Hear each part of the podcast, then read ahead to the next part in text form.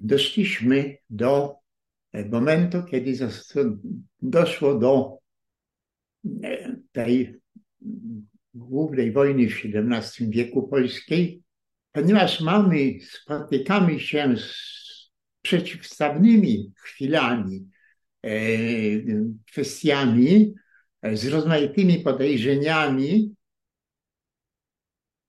z rozmaitymi sympatiami, to opis tej wojny, opis w ogóle całego tego okresu jest opisem,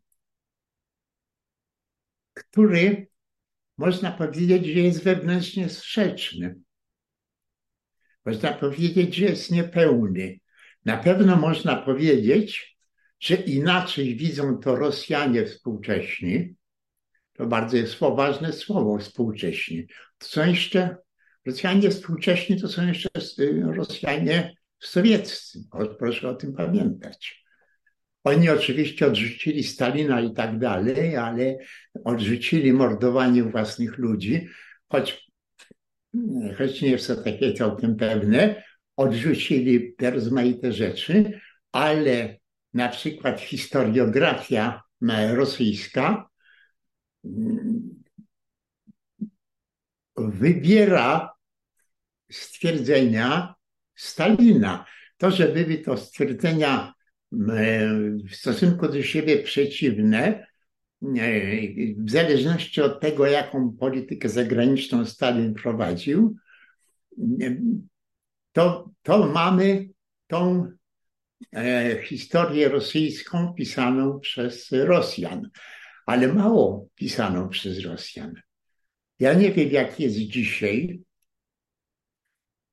kiedy ta wojna już długo trwa, ale wiem, że jeszcze względnie niedługo przed wojną rosyjsko-ukraińską to nie tylko historiografia ukraińska, ale także poza, po, poza obok niej historiografia polska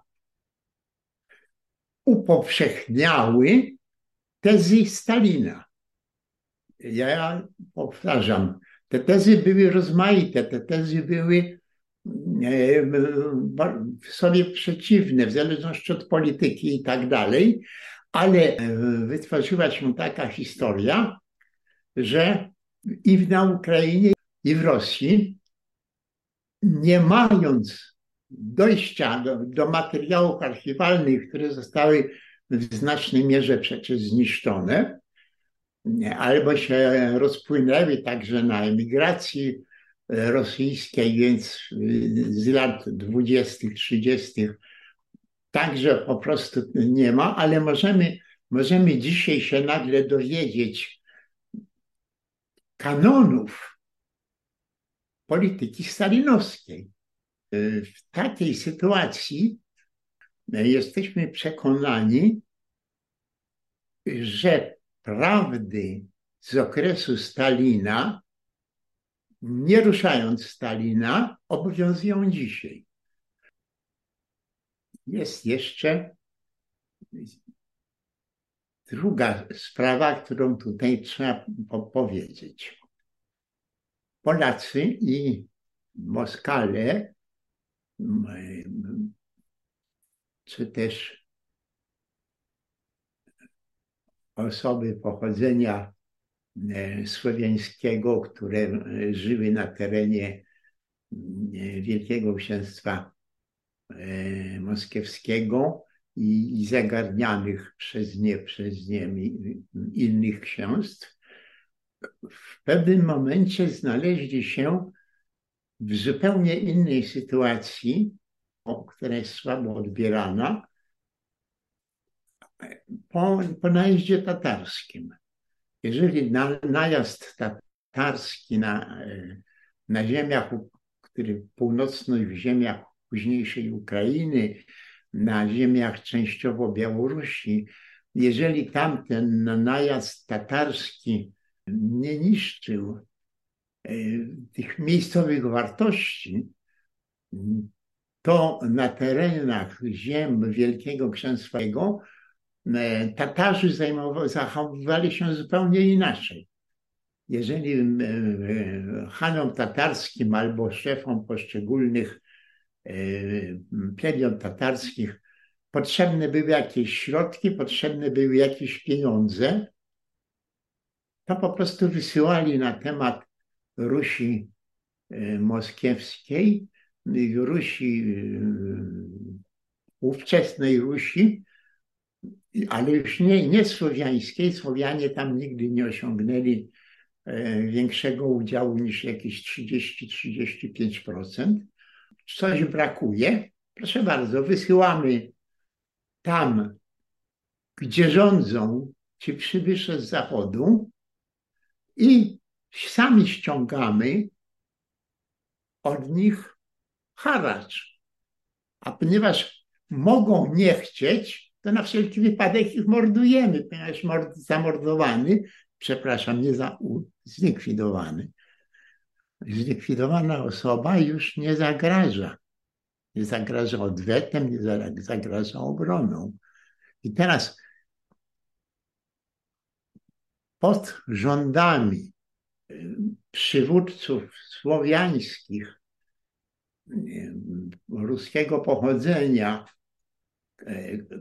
którzy wykonywali władzę na, będąc podlegli władzom Hana, wielkiego Hana, to, to po prostu wszyscy pracowali na, na korzyść i z pełnym posłuszeństwem w stosunku do Tatarów, tylko że jak Tatarzy dochodzili do wniosku, że dany facet, który dla nich pracuje, jest niepotrzebny, bo już się to, co miał, to już się że tak powiem, wykorzystał. Wszystko i już dalej nie można, to kazali mu wracać do, do macierzystego miasta, w zależności od tego, jakie ono było.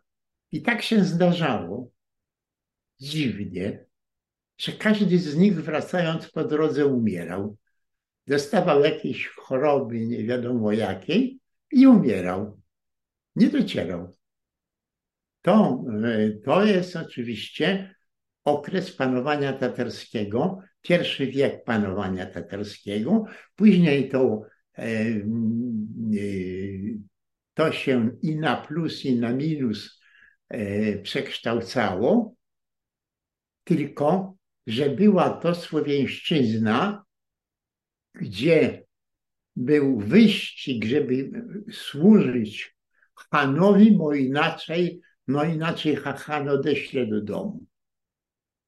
A jakoś do tego domu nie można wyjechać. Czym to między innymi skutkowało? Czym to różniło ziemie białoruskie czy ukraińskie, północno-ukraińskie? Czym to różniło od, od słowiańskich ziem na Zalesiu, czyli tam, y, gdzie się to państwo moskiewskie rozwijało. Różniły się tylko jednym. Jeżeli w Polsce zbuntował się przeciwko królowi jakiś możnowładca, wrócimy do tego później, a potem się z królem pogodził, to król po prostu przywrócił go do wszystkich urzędów. Nie to, że go zamknął do, za, zrobił bunt, nie to, że za ten bunt go nie, nie ukarał, tylko tylko proszę, wrócił tak, jakby nic, jakby nic nie było.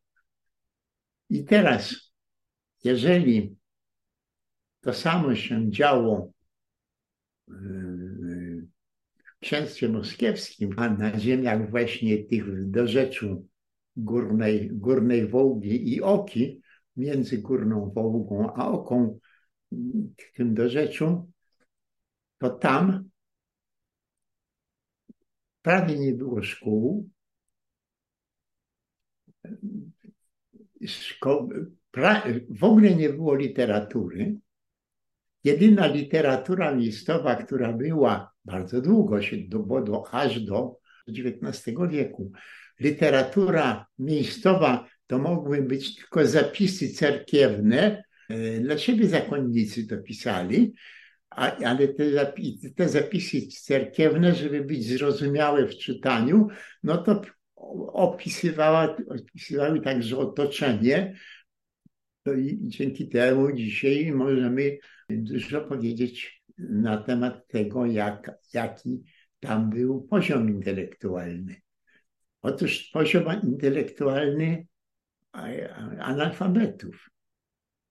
Natomiast którzy chyba, że się stawali zakonnikami, chyba, że e, w klasztorze przenoszono ich do grupy, która miała pisać, bo nie wszyscy przecież. A w tym samym czasie e, w Rzeczypospolitej dyskutowano w książkach, nie w artykułach prasowych. Były tam e, rozmaite spory polityczne wewnętrzne. Ludzie wypowiadali się po jednej albo po drugiej stronie i robili to w książkach. Robili to także w artykułach, robili to także w przemówieniach. E, ksiądz Skarga to i, i przemówienia, i książki. I miano rozwinięte szkoły. Różnica cywilizacyjna między ziemiami e, księstwa e, moskiewskiego i tak dalej, tych książąt wszystkich z Zalesia, różnica e, intelektualna była różnicą ogromną. I obie strony nie bardzo o tym wiedziały. Na przykład Polacy nie wiedzieli, że jedyną karą, którą można dać e, politykowi, który coś tam przegrał, to jest go zamordować. To jest go po prostu zamordować. Stąd tragedia pierwszego, dzisiaj zwanego samozwańcem, tych samozwańców było więcej, Dymitra, który, jak mu się zbuntował kniaź i został aresztowany, to organa, takie różnej, różnego poziomu organa e, sądowe e, moskiewskie skazali go na śmierć. Uniewinnił go car samozwaniec, czy rzekomy samozwaniec, to, to nie jest do dzisiaj rozstrzygnięte, uwolnił go od kary śmierci i dwukrotnie na dwóch poziomach odpuścił mu więzienie i wypuścił do domu. Władca, który przyszedł z Polski, władca, który został prawdopodobnie wywieziony z księstwa moskiewskiego, żeby nie, nie groziła śmierć przedwczesna, nie uniknął jej zresztą. E, także on przez e, wiele lat od, od wczesnego dzieciństwa, zakładając, że, że to nie był samozwaniec, tylko autentyczny syn cara Iwana, dzisiaj chyba z przydomkiem wielkiego. No wielki to on nie był, ale, ale, ale przydomek taki miał. I był wychowany w Polsce, to po prostu chciał zastosować to, co się nauczył w Polsce, chciał zastosować w Wielkim Księstwie Moskiewskim. No ale zastosowano przeciwko niemu zamordowano go, poćwartowano i, i wystrzelono na cztery strony świata. A więc samo zachowanie polskie i zachowanie rosyjskie, coś typowe dla Rosji.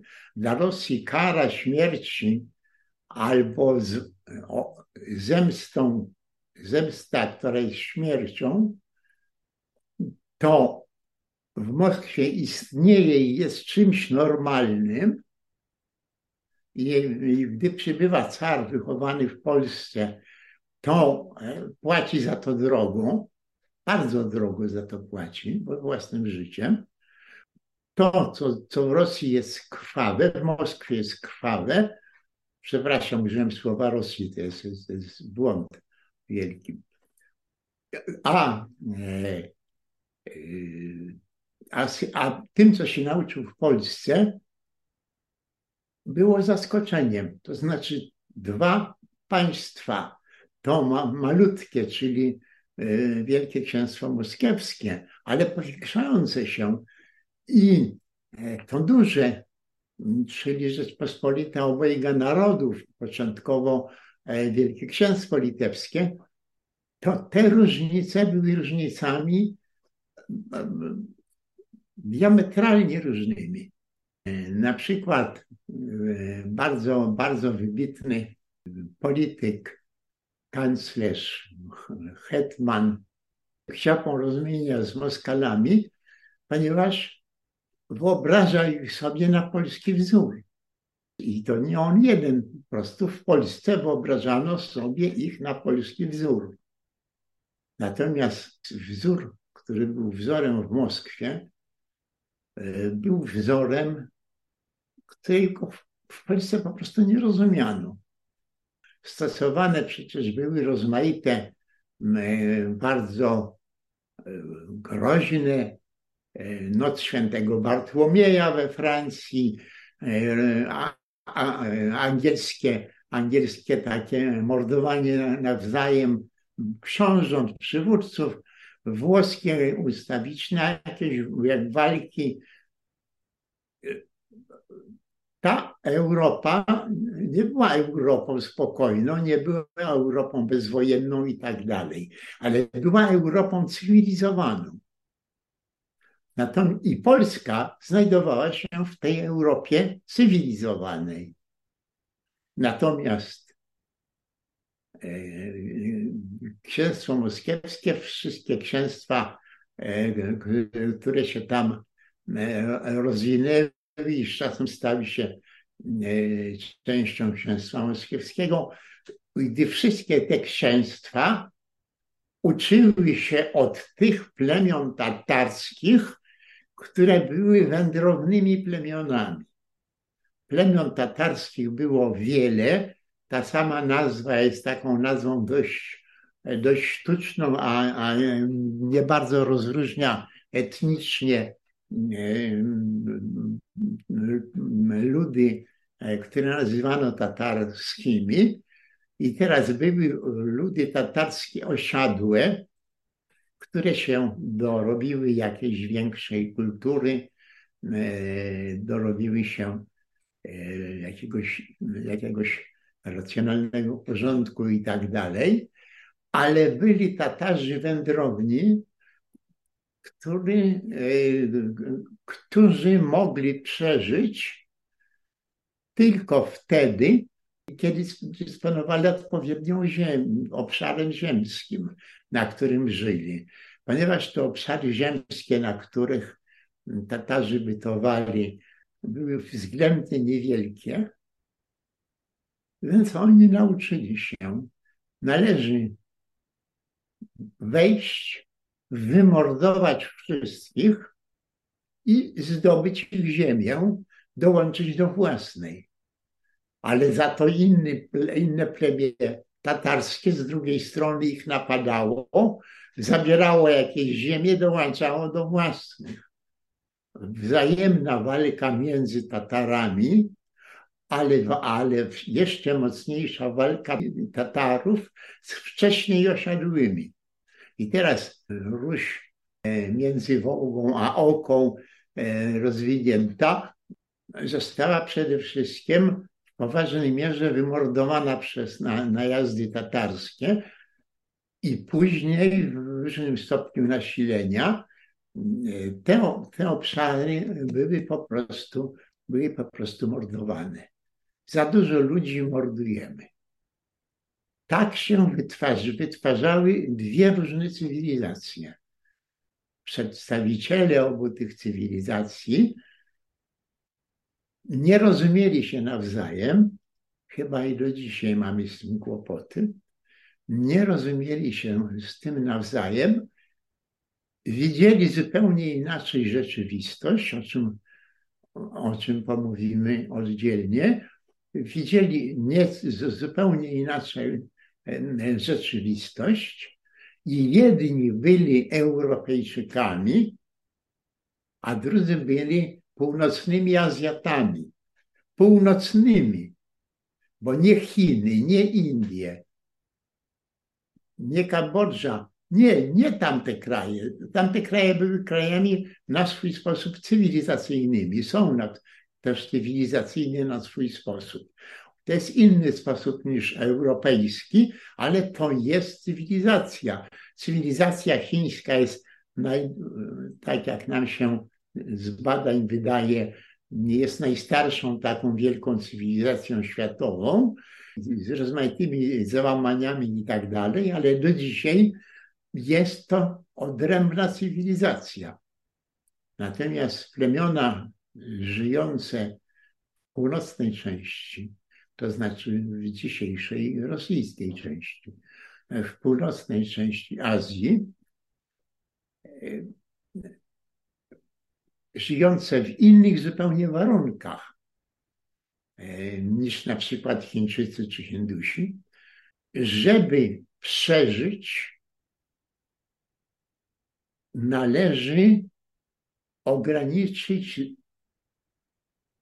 ludzi, należy pozbyć się części ludzi, którzy mieszkają na tym samym terenie albo na terenie pobliskim. Po prostu nie można żyć na e, północy, na północy obecnej rosyjskiej także, na północy rosyjskiej, jeśli jest ludzi za dużo. Rozwój gospodarczy, który się zresztą kończy, e, rozwój gospodarczy e, także północnej Syberii, w takich strefach, gdzie, gdzie jak człowiek bez nieubrany w futro wyjdzie na ulicę i, i dojdzie do rogu najbliższej ulicy, to już umiera z zimna. To, to jest normalne. Po prostu umiera z zimna. A więc trzeba założyć coś bardzo ciepłego i wtedy można, można hulać po mieście. Ale e, stąd też mamy chętnych bardzo do wyjazdu na północ, ponieważ tam się bardzo dobrze płaci, a po iluś tam latach można wrócić, można wrócić na, na południowe obszary e, państwa rosyjskiego, obecne czy, czy, czy, czy byłe obszary e, rosyjskie. Nie możemy tutaj nawet powiedzieć, że to jest cecha Azjatów, bo nie jest to cecha wszystkich Azjatów, jest to cecha północnych Azjatów. I, ci, i też nie wszystkich plemion. Mało kto w to wierzy, ale Półwysep Tajmyr to jest taki w środkowej Syberii wystający dół wielki, jakiś obszerny półwysep e, syberyjski, e, mający zresztą bogate złoża e, rozmaitych surowców i, i dzisiaj eksploatowany, to ten obszar na mapach, na mapach carskich na mapach z czasów Katarzyny, na mapach z czasów Aleksandra. Ta północ była rosyjska, carska rosyjska. Tylko pierwsi osadnicy pojawili się, bo ich tam Stalin wysłał na zginięcie, na wymordowanie. To była ziemia niezamieszkała, ponieważ to, że były bogate złoża, to te, złoża były jeszcze niepotrzebne. a w ten mróz nikt nie chciał iść. I na mapach rosyjskich, zresztą to do dzisiaj jest, na mapach rosyjskich ta cała Rosja północna e, jest pomalowana tym samym kolorem, co e, część południowa i nikt nie zaznacza, e, gdzie to się kończy. Ja, na, ja osobiście widziałem i to nie, nie na północ, tylko gdzieś na środkowej Syberii, e, e, kilkadziesiąt kilometrów od Irkucka jest wieś za, i była e, pod koniec ubiegłego wieku, była wieś zamieszkała przez Polaków, ci Polacy byli bezpośrednio przed I wojną światową tam, ponieważ dostawali wysokie, wysokie zasiłki na zagospodarowanie tego terenu, e, to, to takie niektóre ubogie wsie, zwłaszcza e, z pogranicza zbliżonego do, do, do Górnego Śląska, to e, kilka takich wsi się przeniosło tam na północ, znaczy to jeszcze nie, nie północ, to jeszcze właściwie środek, przeniosło się tam na, do środka i żyją do dzisiaj. Mam nadzieję, że żyją. I żyją do dzisiaj. Ja, będąc w Irkucku, ich odwiedzi, pojechałem ich odwiedzić i te kilkadziesiąt kilometrów, chyba, chyba trzy godziny jazdy samochodem, po dobrej nawet drodze, no wąziutkiej, ale dobrej, ubitej mocno, to w ciągu tych kilku godzin dojechałem przez cały czas przez tajgę do polskiej wsi. To, I to do takiej polskiej wsi, która tam dopiero w trzecim, czwartym pokoleniu tam żyła. I która, która znalazła jakiś żywny, żyzny, e, żyzną część ziemi, uprawiała tą ziemię, e, i miała z tego powodu dość, do, dość, że tak powiem, dobrze im się powodziło. Nie wiem, jak to było później, bo e, w tym czasie jeszcze e, gubernatorów e, w państwie rosyjskim wybierano, a nie mianowano jak dzisiaj i ci gubernatorzy, mówię o gubernatorze takim środkowo-syberyjskim, e, który mi się skarżył po prostu, że, że Moskwa im wszystko zabiera. E, oni wydobywają złoto, Moskwa zabiera złoto. Oni wy, wy, wy, wybierają platynę, Moskwa zabiera platynę. No, e, skończył chyba w Łagrze, ale, ale był przedtem gubernatorem. Otóż pustka pustka, pustka, a dopiero tej, na tej pustce wyspy, gdzie mieszka miejscowa ludność, e, a także ludność wysiedleńców. Tych ludzi, których albo wysiedlono, albo już, już w XX wieku po prostu sami tam się e, sami się tam przesiedlili.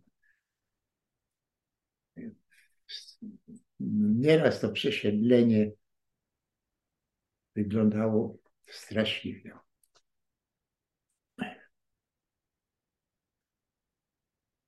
Wieziono wielki, stalinowcy przywieźli wielki transport winnych i niewinnych ludzi złapanych w rozmaitych łapankach w Rosji i nie dostarczali im żywności po prostu nie dostarczali im żywności. Ponieważ nie dostarczali im żywności, rozwinął tam się kanibalizm. Ponieważ kanibalizm był ograniczony, to ci przywiezieni tam na polecenie Stalina wysiedleńcy prawie w całości sami siebie zjedli. Sami siebie zjedli pełne embargo pełne embargo w literaturze rosyjskiej na ten temat. Mało. Pełne embargo w polskiej literaturze. Ponieważ wykorzystując te, te okresy liberalizmu w Rosji, niektórym autorom udało się źle widziane materiały, ponieważ one źle by, zależało nam na, na porozumieniu z Rosją, ponieważ nie chcieliśmy mieć wschodniego wroga. No, to była rzecz naturalna. Tak samo e, Hetman koniec, e, Hetman, e, Hetman Zamojski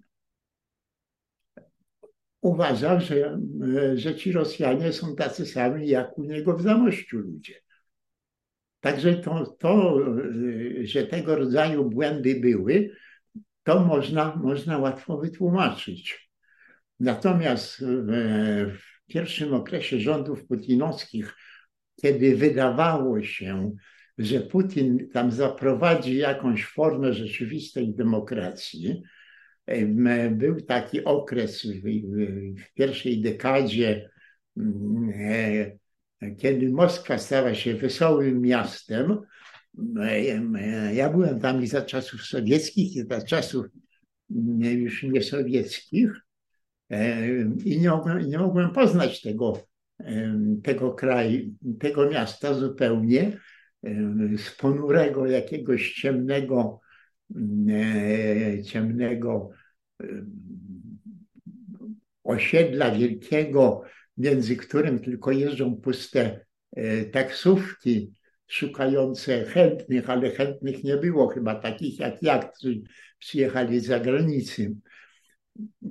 To ta, ta, taka, ta, ta przerażająca nędza Rosji już po śmierci Stalina, tuż po, tuż i już po śmierci Stalina, byłem wtedy e, w Moskwie, e, a jak tam trafiłem na początku naszego stulecia, to mogłem, to na ulicy dziewczęta szły lepiej ubrane niż, niż w śródmieściu Paryża. Naprawdę, lepiej ubrane, wesołe, roześmiane, mężowie albo one same zarabiające, jak pracowały, zarabiające jakieś, jakieś pieniądze, które dawały dostatnie życie. Tego rodzaju zmiany tam się, tego rodzaju zmiany tam się e, e, ciągle, tam się ciągle dzieją. Kończąc już, chcę po prostu powiedzieć, że nie, nie powinna zdziwić sytuacja, w której Polska rozpoczyna wojnę z Moskwą, a, a nagle jakby głównym celem tej Polski staje się włączenie Moskwy do obozu zachodniego pod polskim, czy tam szwedzkim nawet, z urodzenia, e, z urodzenia władcą. Ogromna różnica. Ja prze, przedtem opowiadałem o rozmaitych kwestiach dotyczących e, w tym, w tym okresie e, Polaków i, Szwed, i Polaków, Szwedów, Moskali i tak dalej nie powiedziałem tylko jeszcze jednej ważnej rzeczy. To były kraje, które mają inną historię, nie dlatego, że się inaczej to potoczyło, tylko że inaczej tą historię zapisały. Jest są to po prostu kraje, kiedy można czytać i, i robi to się, można czytać polskie, polskie prace dotyczące Moskwy, Rosji i tak dalej i wszystko rozumieć, ale można też tylko sięgnąć do literatury rosyjskiej i zobaczyć zupełnie inny obraz.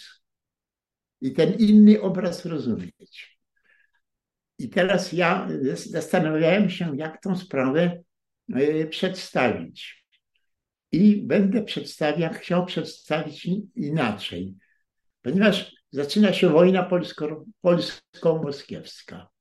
A więc przedstawmy Polaków ich własnych, w ich własnych oczach, przedstawmy Rosjan w ich własnych Rosjach i zastanówmy się, czy można te dwie historie, które się naprawdę działy, a zostały inaczej tylko odczytane, to czy możemy dojść do, do rzeczywistej prawdy historycznej?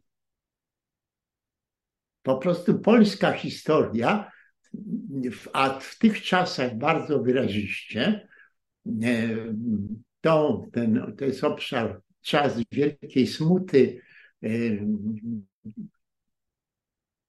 upadku, e, upadku całkowitej, całkowitego państwa moskiewskiego i tak dalej. I w tym czasie wielkiej smuty widać zupełnie dwa, dwa, dwa odrębne państwa, które mają opisaną historię, gdzie niby daty się zgadzają, daty, ale treści nie. Ale treści nie. Ale do tego, do tego na następnym spotkaniu wrócimy.